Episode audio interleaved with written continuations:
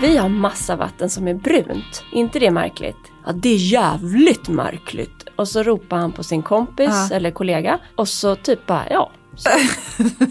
Okej, Okej, backar långsamt Ja. därifrån. det var så det var. Jag typ backade och gick hem till Alex och sa, det är jättekonstigt.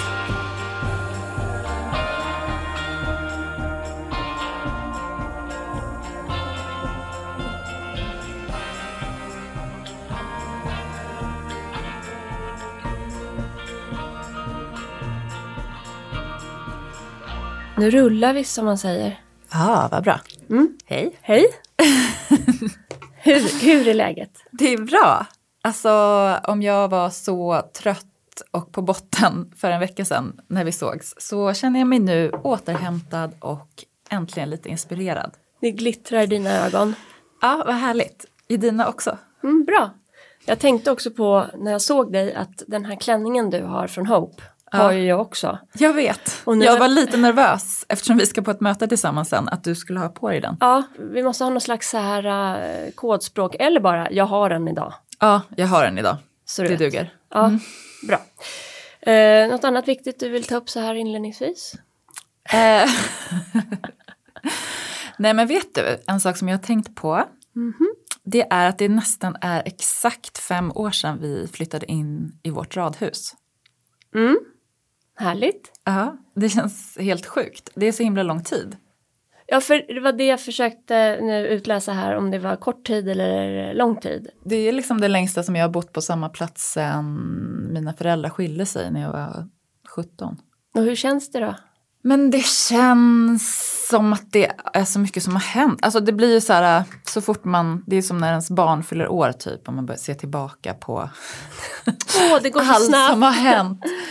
Men det är liksom så mycket stora saker ändå som har hänt i det här huset. Mm. Nu får du stänga av din telefon. Nej, igen. jag kan inte det. Nej just det, det är Ingrid att- och skolar in Olle på förskolan. Ja, eh, det är lika bra att outa det. Att jag har eh, Ingrid 13 skolar in Olle Ja. idag. Jag tycker det är så strångt gjort av henne. Det var det viktigaste, att hon inte kände sig rädd, orolig eller tvingad till det. För jag sa, han kan lika gärna vara hemma. Alex är nämligen sjuk. Ja. Och jag hade saker planerade hela dagen. Så, men hon vill jättegärna. ja men jag tycker det är ashäftigt. Men jag känner ändå att jag är målsman så jag måste ha ljudet på. Ja. Tillbaka då till de här fem åren. Så det var ju liksom i huset som eh, ja, men pappa har satt upp några hyllor och sådär som var det sista som, det. som, som är liksom som ett bestående minne av honom eftersom han gick bort för det är ju också nästan exakt fyra år sedan. Mm. Så det var bara ett, ja. Och jättesvårt att greppa. Mm. Eh, och så har Hilma fötts där och ja, men du vet. En massa sånt. Mm. Och eh, jag har liksom alltid eh, jag tycker om att leva livet liksom som att ingenting är bestämt. Mm. Alltså att allting är föränderligt. Typ, vi bor här just nu. Vi är tillsammans för att det känns bra just nu. Så kan man ju inte göra med barnen. Men, men med allting annat. Nej, tänk om man kunde göra det med barnen. Alltså så har ju män gjort i alla eh, tider. Så att, eh, det är kanske upp till betraktaren. Ja. Ja, nej, det har jag faktiskt, om vi ska vara lite eh, ärliga, eh, tänkt på att eh, just den fasen vi är i nu med en ett och ett halvt åring, en tonåring och Ja. en snart nioåring och sen har vi såklart två vuxna barn, Lisa och Måns, men de har liksom flyttat hemifrån och behöver oss på ett annat sätt och framförallt sin pappa såklart på ett annat sätt. Men det är sjukt intensivt och det märker man ju under en semester. Ja. Och då sa Alex så här, jag tror att det är den här fasen så här förr män drog och start, började om på nytt någon annanstans. Ja. ja, men jag kan tänka mig det. Och jag kan verkligen så här, Relatera. hund, jag tror mer jag än han. Jag tror i vår familj också. Det, jag känner liksom ofta att jag vill dra. Jag tror Jackie han är mycket mer så här en trooper. Mm. Men vi är ju kvar. Vi är ju kvar, precis. Okej, men fem år alltså, vad tror du, hur länge till bor ni där? Ja men det är det som jag känner eh, har börjat förändras. Och det har också med barnen att göra att de är så himla, bara älskar att bo där och Milo älskar sin skola och så. Att, att jag kan verkligen se att vi bor där i, tills han börjar gymnasiet i alla fall. Och vad hände då? Då flyttar vi kanske in till stan om vi har möjlighet. Vem vet hur världen ens ser ut för, om nio år? Nej, Nej det, vi kommer göra lite trendspaningar idag. Ja, Och världen är en del då. precis. Vi kommer vidare till det.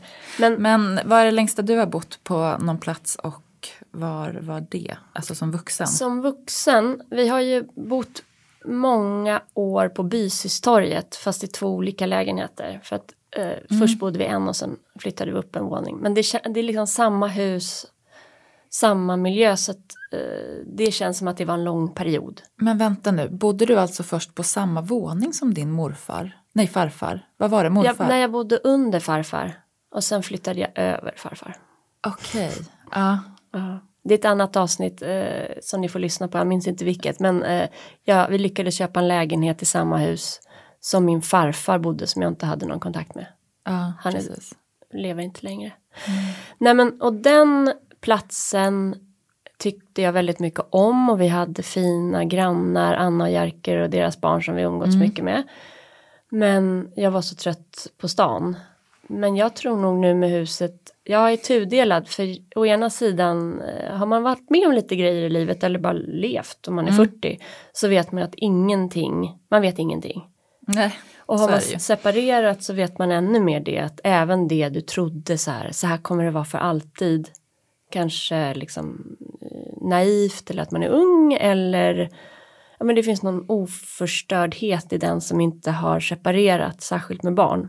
Mm. Skulle jag vilja säga. Mm.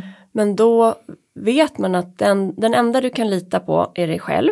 Sen kan man ju lita på människor i väldigt hög, lång utsträckning. Jag litar 100% på Alex. Men Ja. man vet liksom inte vad som händer mer än med sig själv. Nej, precis. Och sig själv kan man ju inte alltid lita på heller. Exakt. Så att det är en farlig värld vi är i. Nej, men då har jag å ena sidan känt så att det finns ingenting som är så viktigt att det måste vara så för alltid. Typ huset, vi har renoverat det och liksom gjort det precis som vi vill ha det. Jag älskar det och, och jag ser att vi ska bo där tills vi blir gamla. Men jag, jag ser också att det är inte hela världen om inte vi bor där tills vi blir gamla.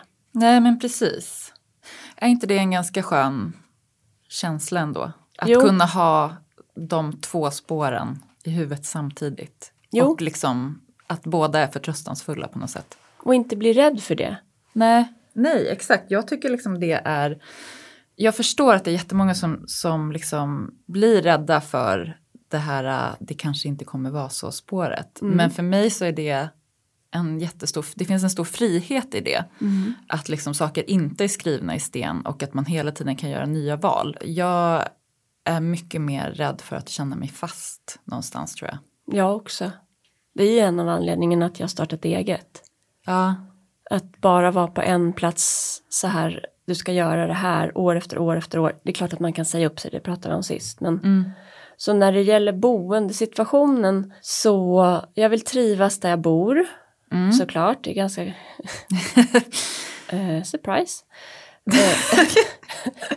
Visdomsorden haglar. jag vill trivas där jag bor. Nej men det är ju jätteviktigt. Ja, det går- är väl liksom typ det som är grunden i ett hem.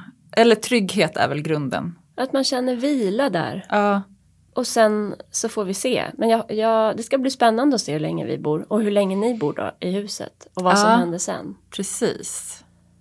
Jag tycker också det är intressant det här som vi pratade om på frå vårt frågeavsnitt. Just med liksom, när blir ett hem färdigt? Och jag har liksom vissa saker som jag är jättenöjd med att vi gjorde när vi flyttade in. Och andra saker som jag bara så här, äh, kan gå runt och ångra lite varje dag. Typ. Det vill man ju höra direkt. Jag är ju jättenöjd med att vi la in stavparkett Mm. och inte någon klickparkett liksom. Ja men berätta. Vad, Ja men att eh, gå barfota på ett eh, trägolv, alltså ett riktigt rejält trägolv, det är ju så skönt. Mm. Sen var vi ju liksom ambivalenta till vad vi skulle göra med eh, linoleummattan som ligger i liksom hall och matplats och kök. Mm. Det var liksom rutigt i grått och blått med, alltså absolut inte mina eller våra kanske jag ska säga då, men det är ju ändå mina färger. Jag ska liksom inte hyckla. Jag ska inte hyckla med att Jacke hade så stora, han hade inte så stora åsikter om det. Ja, men det var en sån grej som vi bara, men vi tar det sen och sen så gjorde vi det här liksom konfettigolvet som jag kallar det för, fattigmans terrasso eh, med färgflagor som blev jättebra. Eh, men sen så blev ju det jättenött för att det är svårt med målade golv eh, på ytor där man rör sig och drar ut stolar och så liksom hela tiden. Går med grusiga skor. Så nu har vi målat det vitt, vilket alla som har följt podden vet att jag avskyr.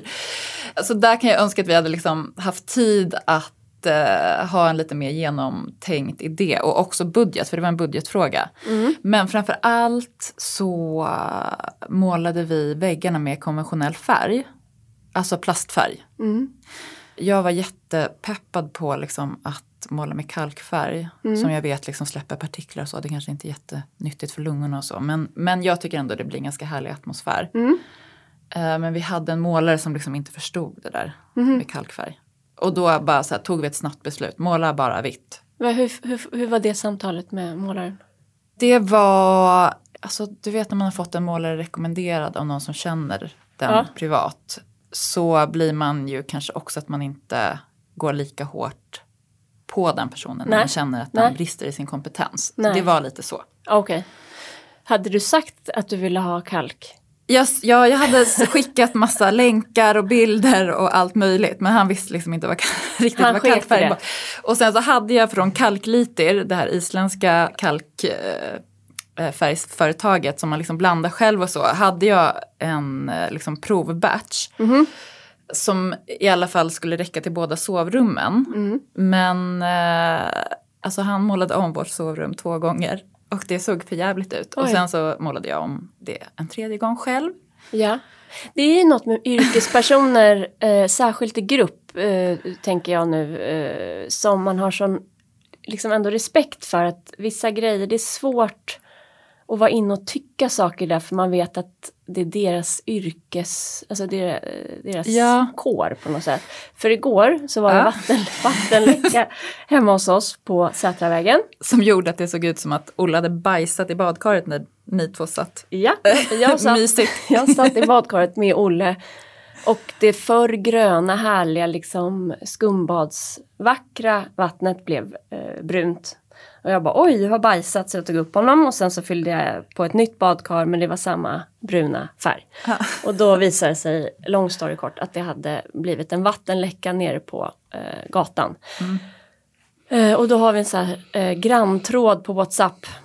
Där det höll på att skämtas om eh, hur bra vatten man hade i kranen. Och sen så, sen så skrev alla nu har vi inget vatten men vi fortsatte att ha vatten som var brunt och ingen annan hade brunt vatten. Okej, i de- var det personligt på något sätt? Nej men det, du vet vi är så nervösa med reno, efter renovering och sånt. Så här, Ja, har vi gjort något det. fel? Är det vi? Är det, eh.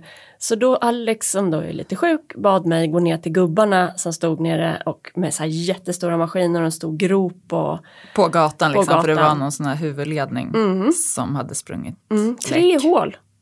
Va? Så då gick jag ner där och eh, de har hörlurar. Det, det är som en viss stämning av eh, yrkesgubbar. Conny, Ronny, Stefan som står och jag bara ursäkta jag har bara en liten fråga. Jättebra att ni är här.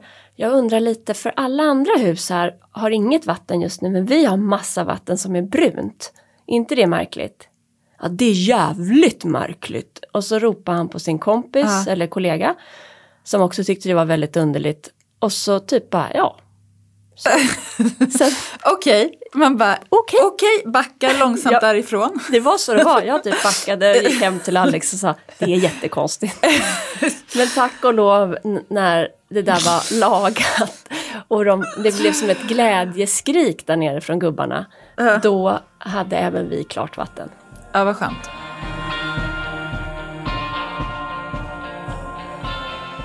Jo, det här med eh, plastfärgen då. Nu har jag lyssnat på eh, Husets syn med Ulla Skog på P1. Älskar det programmet för att hon är så liksom arg. och entusiastisk både och liksom. Eh, Mest arg är hon på PVC-fönster. Älskar man ju. Det älskar man ju. Ja. Eh, men då i flera avsnitt så har de, hon och producenten återkommit till att eh, plastfärger är den enskilt största källan till mikroplaster i haven globalt. Ja. Och det får jag lite så här ångest över. Att mina väggar inte kan andas ordentligt. Du har liksom kvävt dem i plast. Ja, och jag vet inte hur man gör för att liksom återställa det. Nej, jag tror att det är ännu sämre om du tar bort det för att sen sätta på kalkfärg. Mycket möjligt.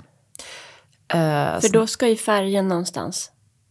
Allt ska ju användas så länge som möjligt som man nu har valt att. Ja men precis, för tar man bort den så kommer den ju, då måste ju den, då spolas den kanske ner i avloppet och hamnar i haven. Du har verkligen rätt. Så dödar du djur. Ja, fy. Men jag önskar att jag hade, alltså nu finns det ju många bra plastfria alternativ. Byggfabriken har en färg som heter Auro till exempel.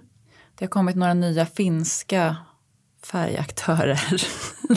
som jag är osäker på hur plastfria de är. Men, men även liksom Nordsjö och andra sådana här stora företag gör färg som har Ja. mindre plast och som, som liksom är svanenmärkt och sådär.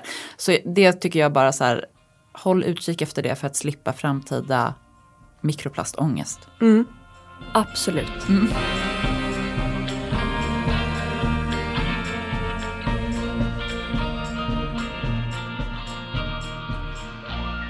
Över till nästa roliga ämne. Apropå mikroplaster, Ska vi ta det nu?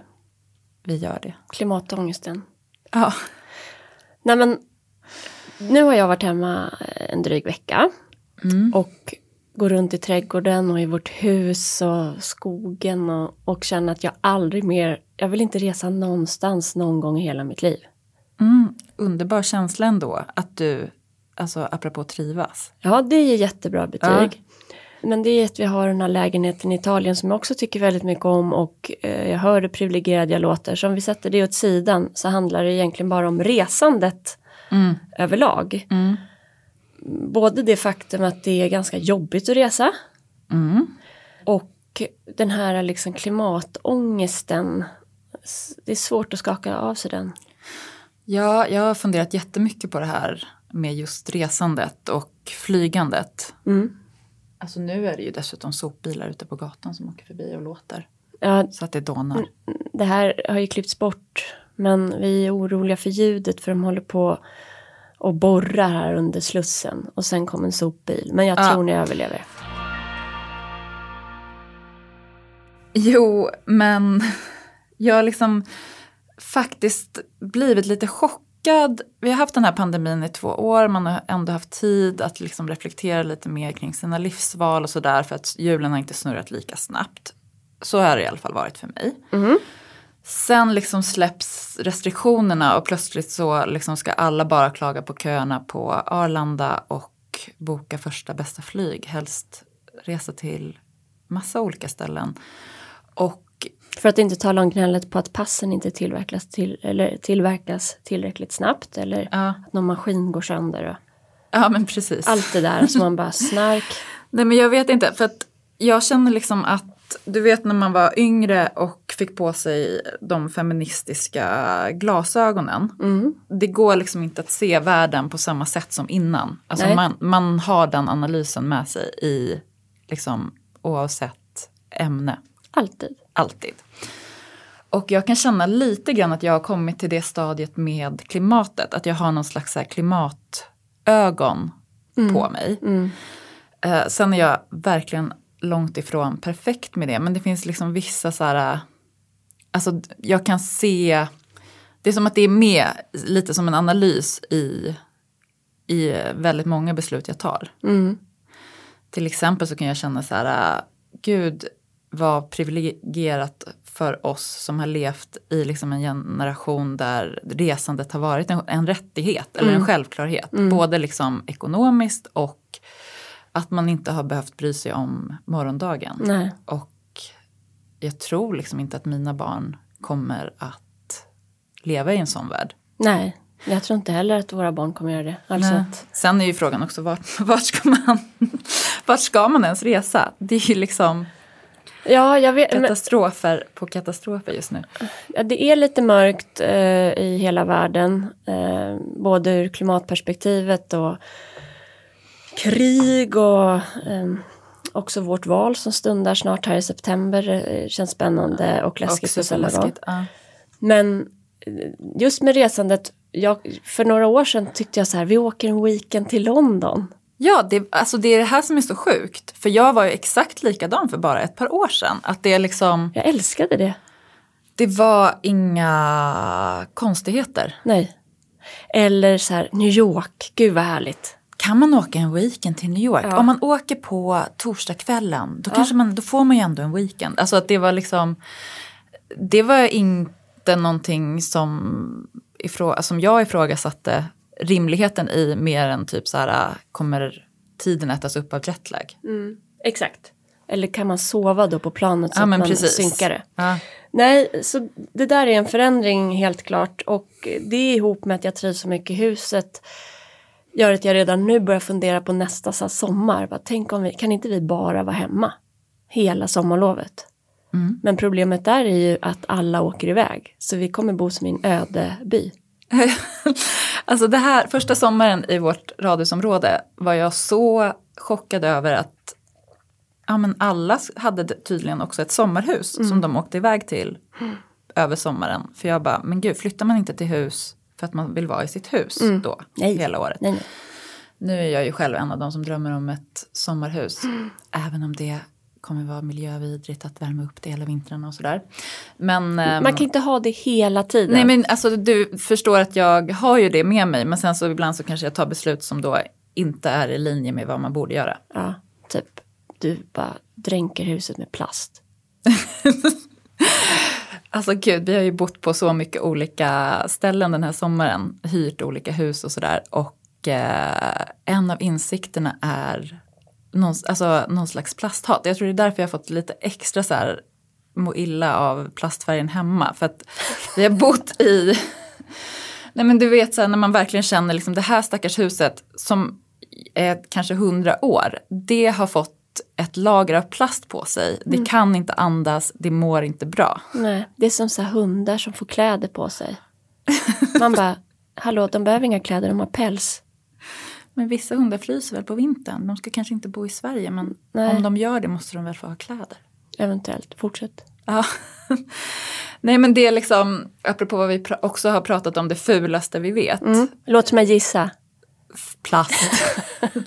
Nej men fejkmaterial generellt. Framförallt så material som utger sig för att vara någonting annat. Mm. Ehm, typ, Luringar. Va? Luringar. Alltså, ja, luringar. Ja. Men, plast som utger sig för att vara trä till exempel. ja. Och bara allmänt dålig kvalitet när man känner så här. Uh, Ikea har, har bra produkter men alla Ikea-produkter är verkligen inte bra. Särskilt inte i ett hus som hyrs ut och där många bor. Nej, Eh, de blir rangliga. så det väldigt snabbt. fulaste du vet är helt enkelt eh, det du sa förra gången. Eh, så här. Nej men det har liksom förstärkts. Nu hatar du. Nej men då har jag liksom funderat eh, väldigt mycket på vad jag är sugen på inför hösten. Ja, spännande.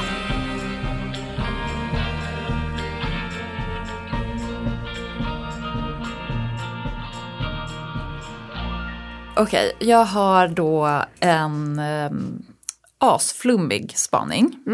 Som vi kan kalla själen. Det här är alltså inredningsspaningar för hösten 2022. Ja, precis. Det handlar ju om att skapa en känsla av eh, att rummet lever på något sätt. Alltså att det är ett hem som lever, där det finns liv även utanför människorna som finns i det. Förstår du vad jag menar? Ja, jag förstår. Varför tror du jag har så mycket djur? Och växter. Och växter och eh, naturmaterial och eh, liksom hela den. Det är tredimensionellt. Ja, exakt. Och eh, det är ju poesi liksom. Mm. Alltså hemmet som eh, poesi. Mm. Please shoot me om jag låter för pretto. Nej, jag tycker jag förstår precis. Och det är ju när poesin försvinner. Alltså ibland så går ju hemmet in i så här, fan vad allt är fult. Och det, Ja, det ah, stämmer inte här. exakt. Och det stämde för två veckor sedan. Och då kan man ju dels se vart man själv typ är i sin cykel. Ja, Men det det handlar, också. det handlar också om att det inte är balans i det där. Ja, verkligen.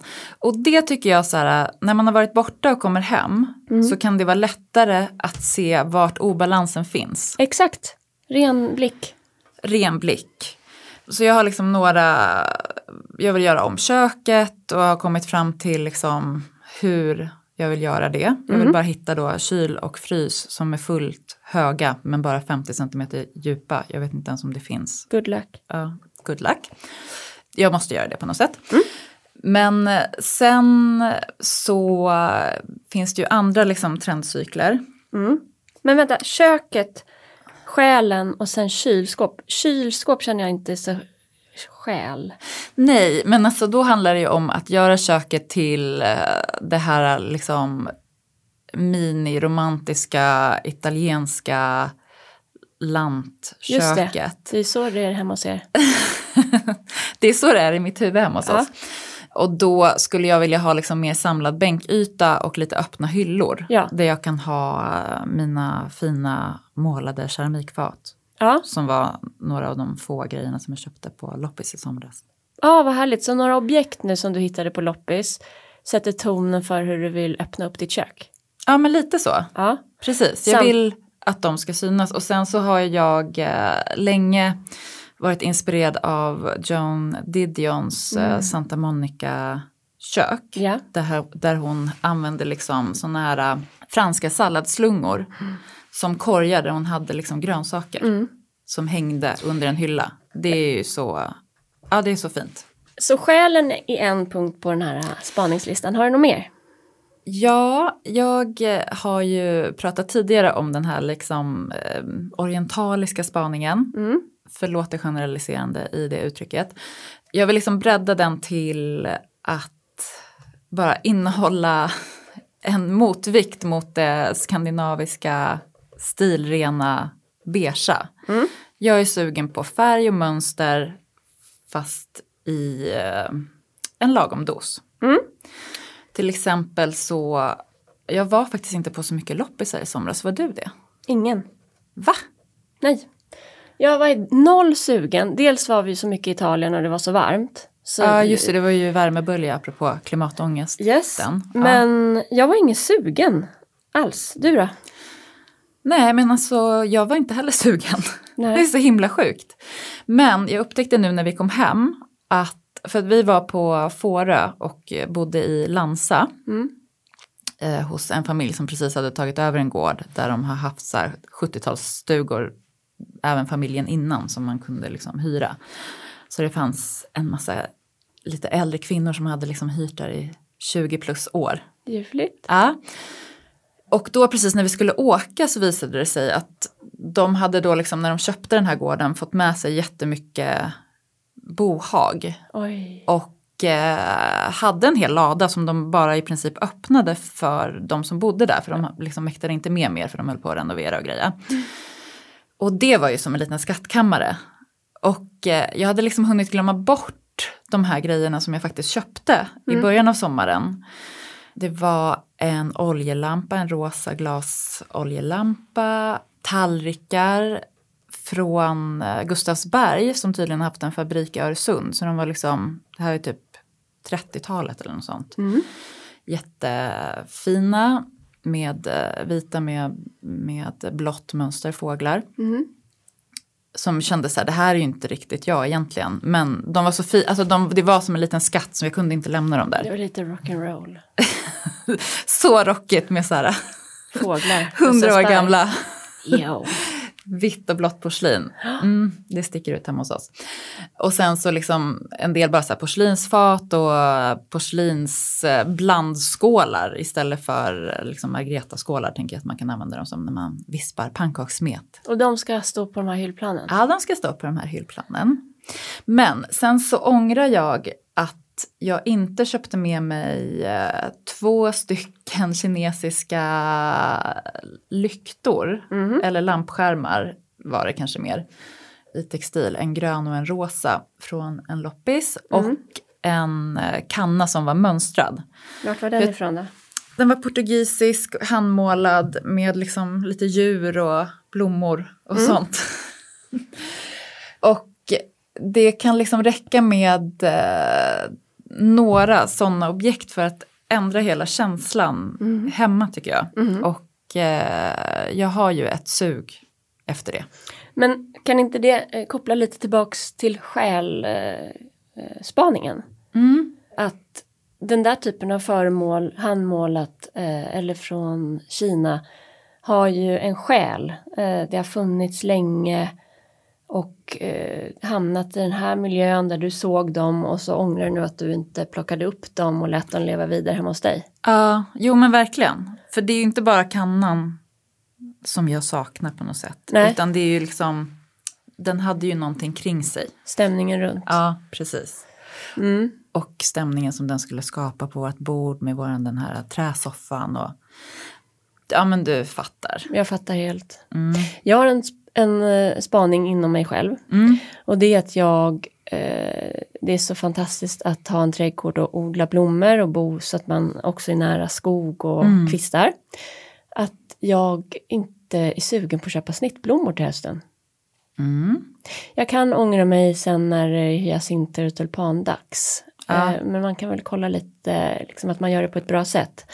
Och jag är ju alltså en snittblomsgalning egentligen. Ja. Men nu har jag ju fått trädgård. Men ja det, gud, dina buketter från trädgården, alltså det är helt sjukt. det är ju helt sjukt. Jag känner panik eh, för att jag inte kan ta hand om allting. Kanske får ta en cykeltur. Ja, Och kom, plocka kom, lite. kom.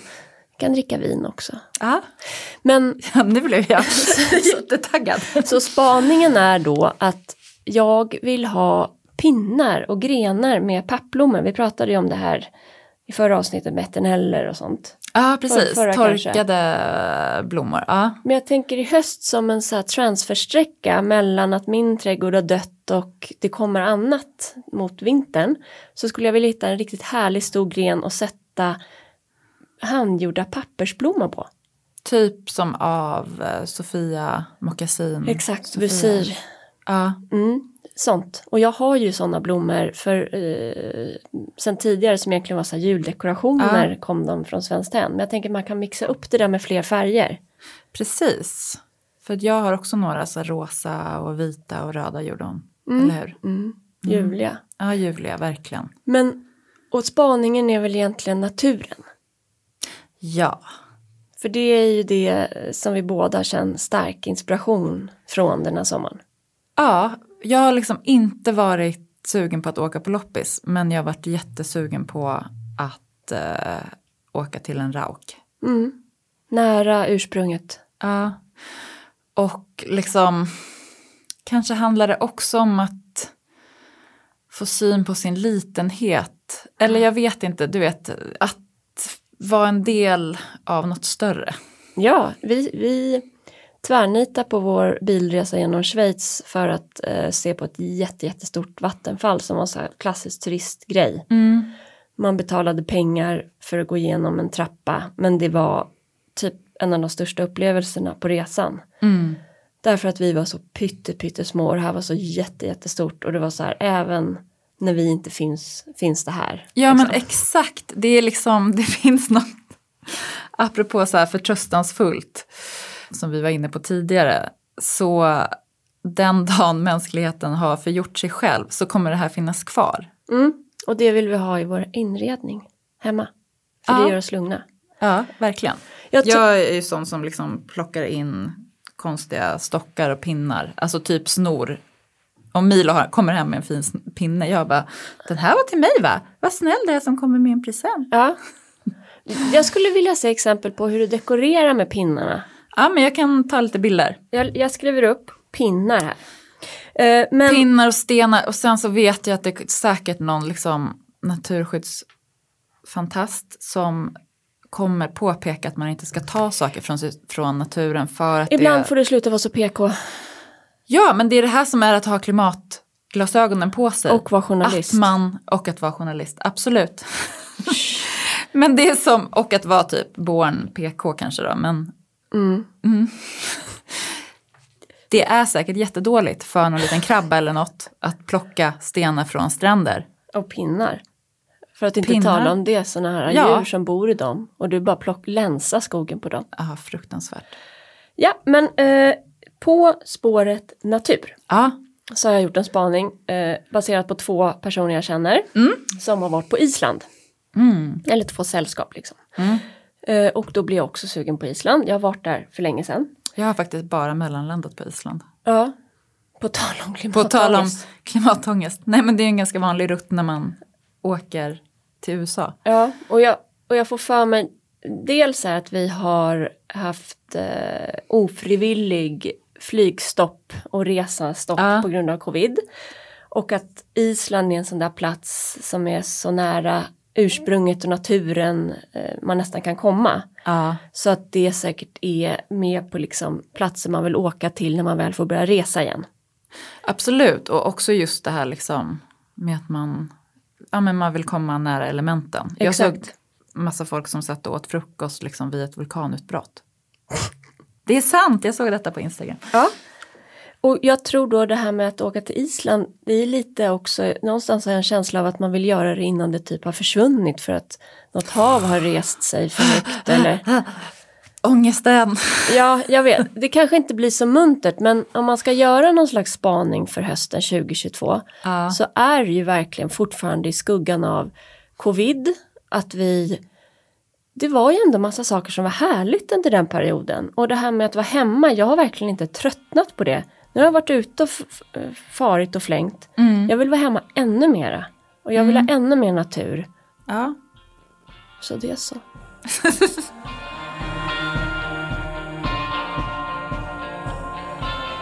När du eh, berättade om att du är sugen på att liksom eh, pyssla med eh, pinnar och pappersblommor Ja. så känner jag eh, till, i motsats till förra veckan att jag kanske faktiskt är lite återhämtad för jag är jättesugen på att plocka fram min lilla sån här handväv. När jag var gravid med Milo 2014-15 gick jag typ alla hantverkskurser som fanns. Och då hade Mimmi Staff och Josefin Halvardsson som eh, driver Ton. Mimmi Staff hade en jättefin eh, inredningsbutik i Midsommarkransen. De hade en vävkurs bland annat. Så då har jag en sån här liten handväv. Och jag är jättesugen på att eh, skapa någon slags stökig, lång väggbonad med den. Härligt. Vilka Ja. färger? Um, beige. Jag skojar bara, fast det är lite sant. Eh, jag är sugen på att blanda in liksom lite olika, så här, Jacka har någon gammal uh, linneskjorta som är rutig i rött och vitt som eh, från Our Legacy som, som jag vill liksom, den har redan trasat sönder. Så jag tror att liksom, den ska vara någon slags bas. Ja. Och så ska den vara jättelång och smal Ja. och spretig på sidorna. Härligt. Ja, vi får se om det här ens blir av. Men som jag känner just nu så kommer det bli det. Ja. Har du något annat sånt här liksom? Nej men ehm, precis när vi kom hem Mm. så var första så här, åh trädgården, eh, där har det hänt så mycket. Mm. Och sen kom jag in och kände, åh jag kände, det var lite, det är fint i grund men lite tråkigt och jag har inte pysslat. Nej men alltså, ja men jag har inte, Snälla Elin, du är så otålig. Du har bott i det där huset i ett år. jag vet det. Den där trädgården, att du har den där trädgården, att den är så där blommar så där. Jag är liksom i chock. Mm, inte konstigt Fem år och min trädgård är, alltså den är fortfarande sorglig. Ja, men nu är jag sån här. Ja. Så när jag kom hem för en vecka sedan så tyckte jag att det såg lite tråkigt ut hemma. Okej. Mm. Ja, jag Men- respekterar att du känner så. Ja. Det, det är en process. Alltså precis som att eh, du vill hitta själen igen eller, eller du vet, här är det en själ i vårt hem. Och man vill lyfta fram den. Så är det bara att jag har liksom inte vridit på blommorna. De har rört sig efter solen så plötsligt står bladen åt fel håll. Eller Ah. jag bara ser saker. Ingrid och, och Ivar har ju flyttat ut typ allt ur sina rum ut i vardagsrummet. Så att jag måste ju ta hand det. om det. Eftersom de har blivit eh, Nya personer. nya personer Nyår. och det manifesterar sig i deras rum. Det är härligt tycker jag. Ja men det är härligt. Eh, men, alltså bara att inflikta något. Ivar, det är helt tomt i hans rum. Det enda som står i, i typ ett kassaskåp. Oh my god. Jag vet inte vad det symboliserar. Men han trivs. Alltså det symboliserar typ, det kommer en lågkonjunktur men han kommer gå säker Han ur hamstrar. den. Ja, usch. Men då, det är något härligt med det här jag är i nu, att hålla på och möblera på kvällarna och vrida Ah, och Alltså inne i huset, inte i trädgården? både och. Jag både är och. överallt det. Men eh, ja, den stämningen tycker jag Mm. jättemycket om. Och då är mitt sista tips är att titta på sina växter. Är du en sån som gillar växter så gör du redan det. Men om du har liksom växter hemma för att det är mysigt bara, men kolla hur de står. De kanske behöver torkas av bladen lite granna och Mm. eh, vrida så att bladen är snygga, att den snygga sidan är framåt. Har du något bra tips på att eh, torka av bladen? eh, jag tänker så här, vatten och hushållspapper. Mm. Jag försöker hitta det bästa sättet. Det kan ju bli luddigt liksom av hushållspapper och sådär. Alltså, jag tycker att det... Ja, jag vet inte. Nej, men jag, eh, man vattnar av dem. Ta en wettextrasa då. Mm. Men man behöver i alla fall göra det. Det blir så mycket fräschare. Plus att de kan andas, apropå att låta saker andas. Ja. Ja, nej men så det är typ det är, det är massa spännande jobbgrejer på gång och så på kvällarna vill jag bara vara hemma och hålla på i trädgården och eh, möblera om och så helst vill jag att barnen bara ska vara helt tillfreds eh, fast någon annanstans. Hos sina vänner. ja, jag håller med. Men nu är det fredag och en hel härlig lång helg framför oss. Mm. Blir det inredningsfix då för dig? Alltså, vi kanske kommer åka och kolla på lite sommarhus. Sånt som vi håller på med hela tiden. Pågående. Ja. Ska vi bygga? Kommer vi ha råd att bygga? Ska vi köpa? Ska vi, vad ska vi göra? Mm. Eh, to be continued. Vi ska faktiskt åka och titta på ett marsvin. Nej men sluta. Va? Nej men det här är, det Ingrid har ett marsvin. Hon hade två. Har hon redan ett marsvin? Ja, sedan länge. Det här har det kanske du har berättat redan. Nej, Maja, det här bor hos hennes pappa egentligen. Ja. Men han tycker att vi har som ett zoo hemma hos oss. Ja. Så då kan, han, kan lika gärna hon bo hos oss. Jaha, praktiskt. Så när jag kom hem eh, nu förra veckan då bodde hon hos oss för han hade styrt upp det med mina föräldrar som var husvakt. Alltså. Eftersom marsvin blir deprimerade av att vara själva. Ja, så måste ni ha en till. Ja, det är det, alltså psykisk ohälsa, det ska man ta på allvar. Absolut.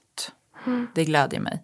Jag måste bara fråga så här, vad har hänt med alla kaniner? Är de kastrerade? Har kaninungarna fått liksom nya hem? Kommer Alltså- det fler oväntade kullar? Vad händer? Då vill jag göra en liten shoutout. Du som skrev att du ville ha två kaniner efter semestern, de väntar på dig.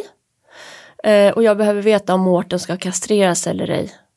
Och sen är det så att två kaniner försvann ju eh, med hjälp av pappa. Mm. Så vi har fyra kaniner. Eh, jag känner oro därför att jag det, det, är, det är det här med Mårten jag vill veta eh, hur vi ska göra. För han sitter lite inlåst i en mindre bur nu.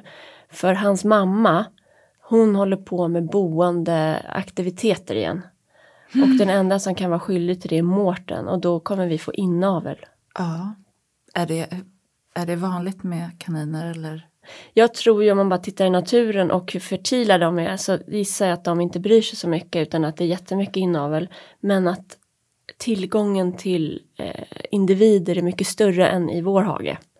Så att det blir väl en uppblandning. Men nej, det känner jag oro för. Kan man inte kastrera henne? Absolut inte. Okej. Det är bara männen i, i, i, hos oss som, eller förresten jag har ju kastrerat hunden och katten. Men ja, Ja. jag vet inte. Men de är fyra nu och jag märker att jag älskar dem faktiskt. Kaniner är ett otippat socialt djur om man hänger med dem. Ja, vi var på en sån liten djurpark på Gotland. Där det fanns jättesociala kaniner. Som liksom kom fram och ville sätta sig i ens famn typ. Mm, det är mysigt. Ja men eh, och så får jag lite sugen på att göra en loppis också i helgen. Och buketter, sälja buketter. Ja, kan du inte ha lite så här självplock typ två timmar varje lördag eller varje söndag? Jo, jag vet inte hur jag ska organisera det där. Ja men det är sånt jag tänker att helgen kan få gå till. Ja, jag åkte ju förbi så här ett härligt solrosfält där det satt upp en skylt plocka och swisha. Det var något välgörande ändamål som jag inte kommer ihåg. Eh, Men det tyckte jag var så himla charmig grej. Mm. Vi hade inte tid tyvärr att stanna då och man kanske inte alltid har så vatten och papper och sånt. Jag vet inte hur länge solrosor håller sig men, men du kanske skulle kunna ha något liknande? Swisha UNHCR eller något? Nej, Och swisha mig. Plocka. Så att jag kan köpa nya blommor. frön. Ja. Du har ju i alla fall massa vallmofrön som du kommer få. Ja. Det har du lärt dig nu va? Ja, det har jag lärt mig. Att de där pinnarna som jag tyckte var så snygga, jag bara, har jag satt de Har här? jag planterat de här bollpinnarna? De är jättevackra. Ja, de är verkligen. Det är vallmo. Sen har jag också kände mig så stolt eftersom jag visste att det var vallmo. Alex, jag läste upp en bild på Insta så fick jag jättemånga kommentarer att det var vallmo. Det var inget jag, alltså vallmon visste jag att jag hade planterat. Pinnarna visste jag inte var vallmofrön. Nej, jag tyckte det var roligt. Och Alex visste om det så han var också svinnöjd. Men eh, jag har också deadheadat jättemycket i min trädgård igår. Vad betyder det? Det låter jätteallvarligt. Ja, det här är yrkessnack. Eh. Mm. Det är att man klipper bort döda blommor. Ja, För då det kan det har jag ju mer. lärt mig. Det har Hanna Wendelbo har lärt mig det här för länge sedan. Men jag visste inte att det hette deadheada. Mm, det är så vi säger i branschen. Okej. Så Mm. igår deadheadade jag säkert 200 tagetes. Och rosenskära och typ papegoj eller trump, någon annan typ av blomma jag har odlat. Mm. Så hoppas jag på att det ska komma mer. Det kommer det garanterat göra. Jag kan fota lite i helgen om det är så att det börjar hända nya spännande grejer i trädgården. Gör det. Mm. Okej, ska vi runda av då? Det gör vi. Ha det bra. Ha det bra. Hej. Hej.